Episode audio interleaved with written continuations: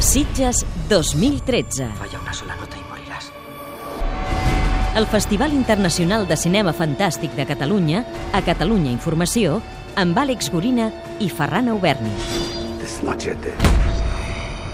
Dia 9.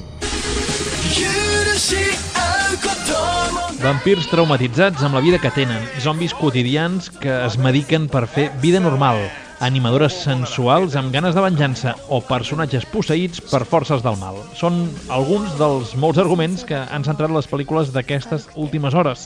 Una de les més sorprenents ha estat la coproducció catalana Retornados, novament amb una clara vocació internacional. Rodada en anglès, un repartiment majoritàriament anglosaxó i ambientada al Canadà, destaca per la manera com fuig de l'efectisme fàcil del gènere, també pel tractament realista que fa dels zombis. I és que a Manuel Carballo, director d'aquest entretingut thriller dramàtic, sobretot li interessa explicar una història d'amor, amistat i supervivència. S'hi mostra una societat atemorida per un virus, tot i una vacuna que frena l'epidèmia.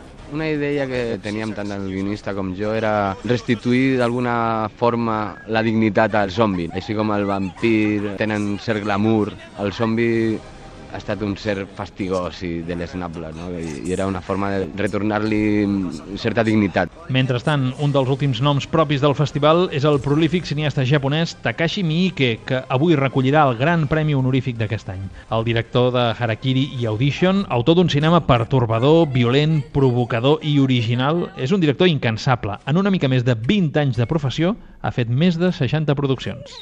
I amb un びっくりですねありがたい Estic molt agraït, però alhora em fa una mica de por, perquè després d'aquest premi hauré de fer altres pel·lícules que estiguin a l'alçada. Això em posa pressió. なんかもっとちゃんと映画 La crítica. Arribats a aquest punt, de les 28 pel·lícules a concurs a Sitges, si jo hagués de triar una com a premi a millor pel·lícula seria Only Lovers Left Alive, de Jim Jarmusch.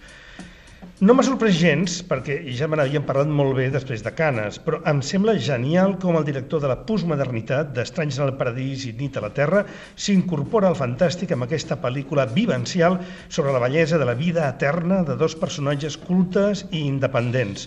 Dos vampirs elegantíssims que viuen a Detroit i Tanger i es troben de tant en tant. Tilda Swinton i Tom Hiddleston resulten uns actors sobrenaturals. La música incorpora el rock entre els grans narcòtics de la història.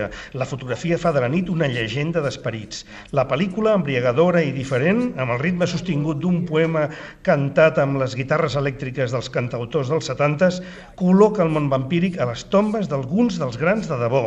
Rimbaud, Apollinaire, Jeff Buckley, Janis i també Camille Claudel o el gran Henri Gaudier que ara potser sabem són membres de la gran confraria espiritual de la nit, com el mateix Jim Jarmusch.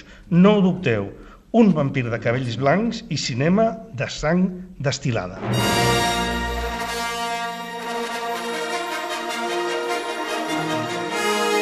L'agenda.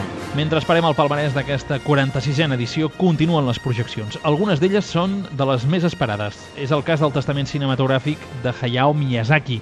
El gran mestre de l'animació japonesa s'acomiada com a director amb The Wind Rises, una poètica, evocadora i madura història d'amor que es projectarà a l'auditori a partir de tres quarts d'onze de la nit.